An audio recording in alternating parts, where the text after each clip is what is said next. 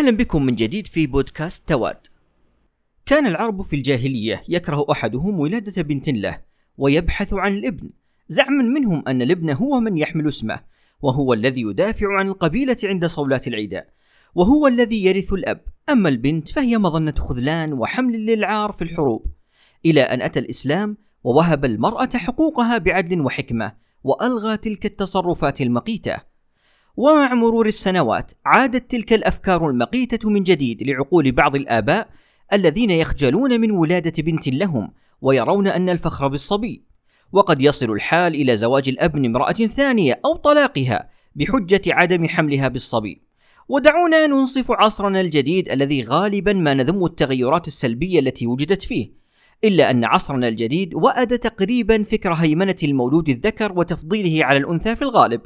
وأصبحت الفتاة بشارة خير على البيت الذي تحل فيه سواء مولودة أم زوجة وتنال من الدلال ما تستحقه ولكن هل يعني هذا أن الابن لم يعد مفضلا على البنت؟ الذي حدا بنا لمناقشة هذا الموضوع هو ما ينتشر عن مجتمعنا من أنه ذكوري متسلط وقد تمنت بعض الفتيات لو كن ذكورا بل إن بعضهن تقمصن شخصية الابن فهل مجتمعنا فعلا كذلك؟ اولا إن الحكم على سلوك ما ينبغي ألا يعمم على المجتمع، فليس من المنطق أن نسمي مجتمعنا ميتا لحدوث بعض الوفيات، أو أن مجتمعنا غير آمن لوجود بعض اللصوص، كذلك لا نستطيع أن نقول أن مجتمعنا ذكوري لبعض السلوكيات التي مارسها بعض الرجال ظلما، والتي مجه المجتمع وعاقب عليها الشرع والقانون. ثانيا، وجود النساء في كافة طبقات المجتمع والمراتب العلمية والعملية يعكس حقيقة تمكينها وتصدرها رغم ما يشاع من ظلم لها وتهميش في المجتمع، ولا ننكر وجود بعض هذه الحالات.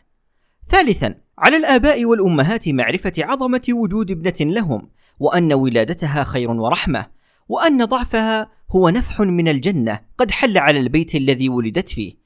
ففضلا عن كون البنت أحن وأشفق من الابن، فهي وقاء من النار، كما قال النبي صلى الله عليه وسلم: من عال جاريتين حتى تبلغا جاء يوم القيامة أنا وهو كهاتين وضم أصابعه. رابعا على الإبن سواء أكان أخا أم أبا أم عما أم خالا أم زوجا.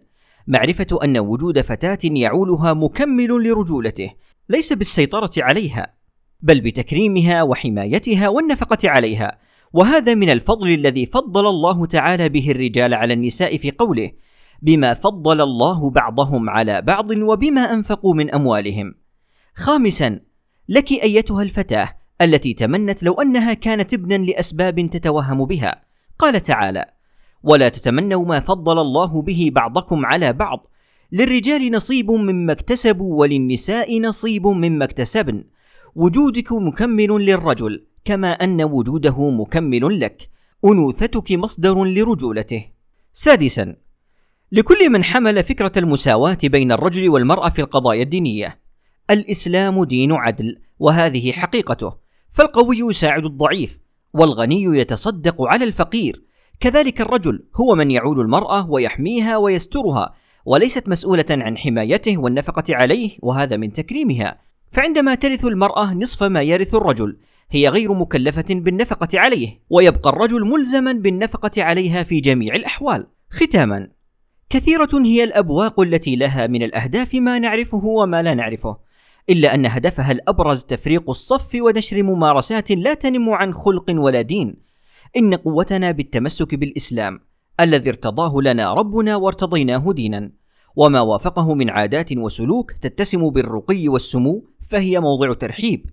نحن مجتمع واع يدرك أفراده كيفية التعامل.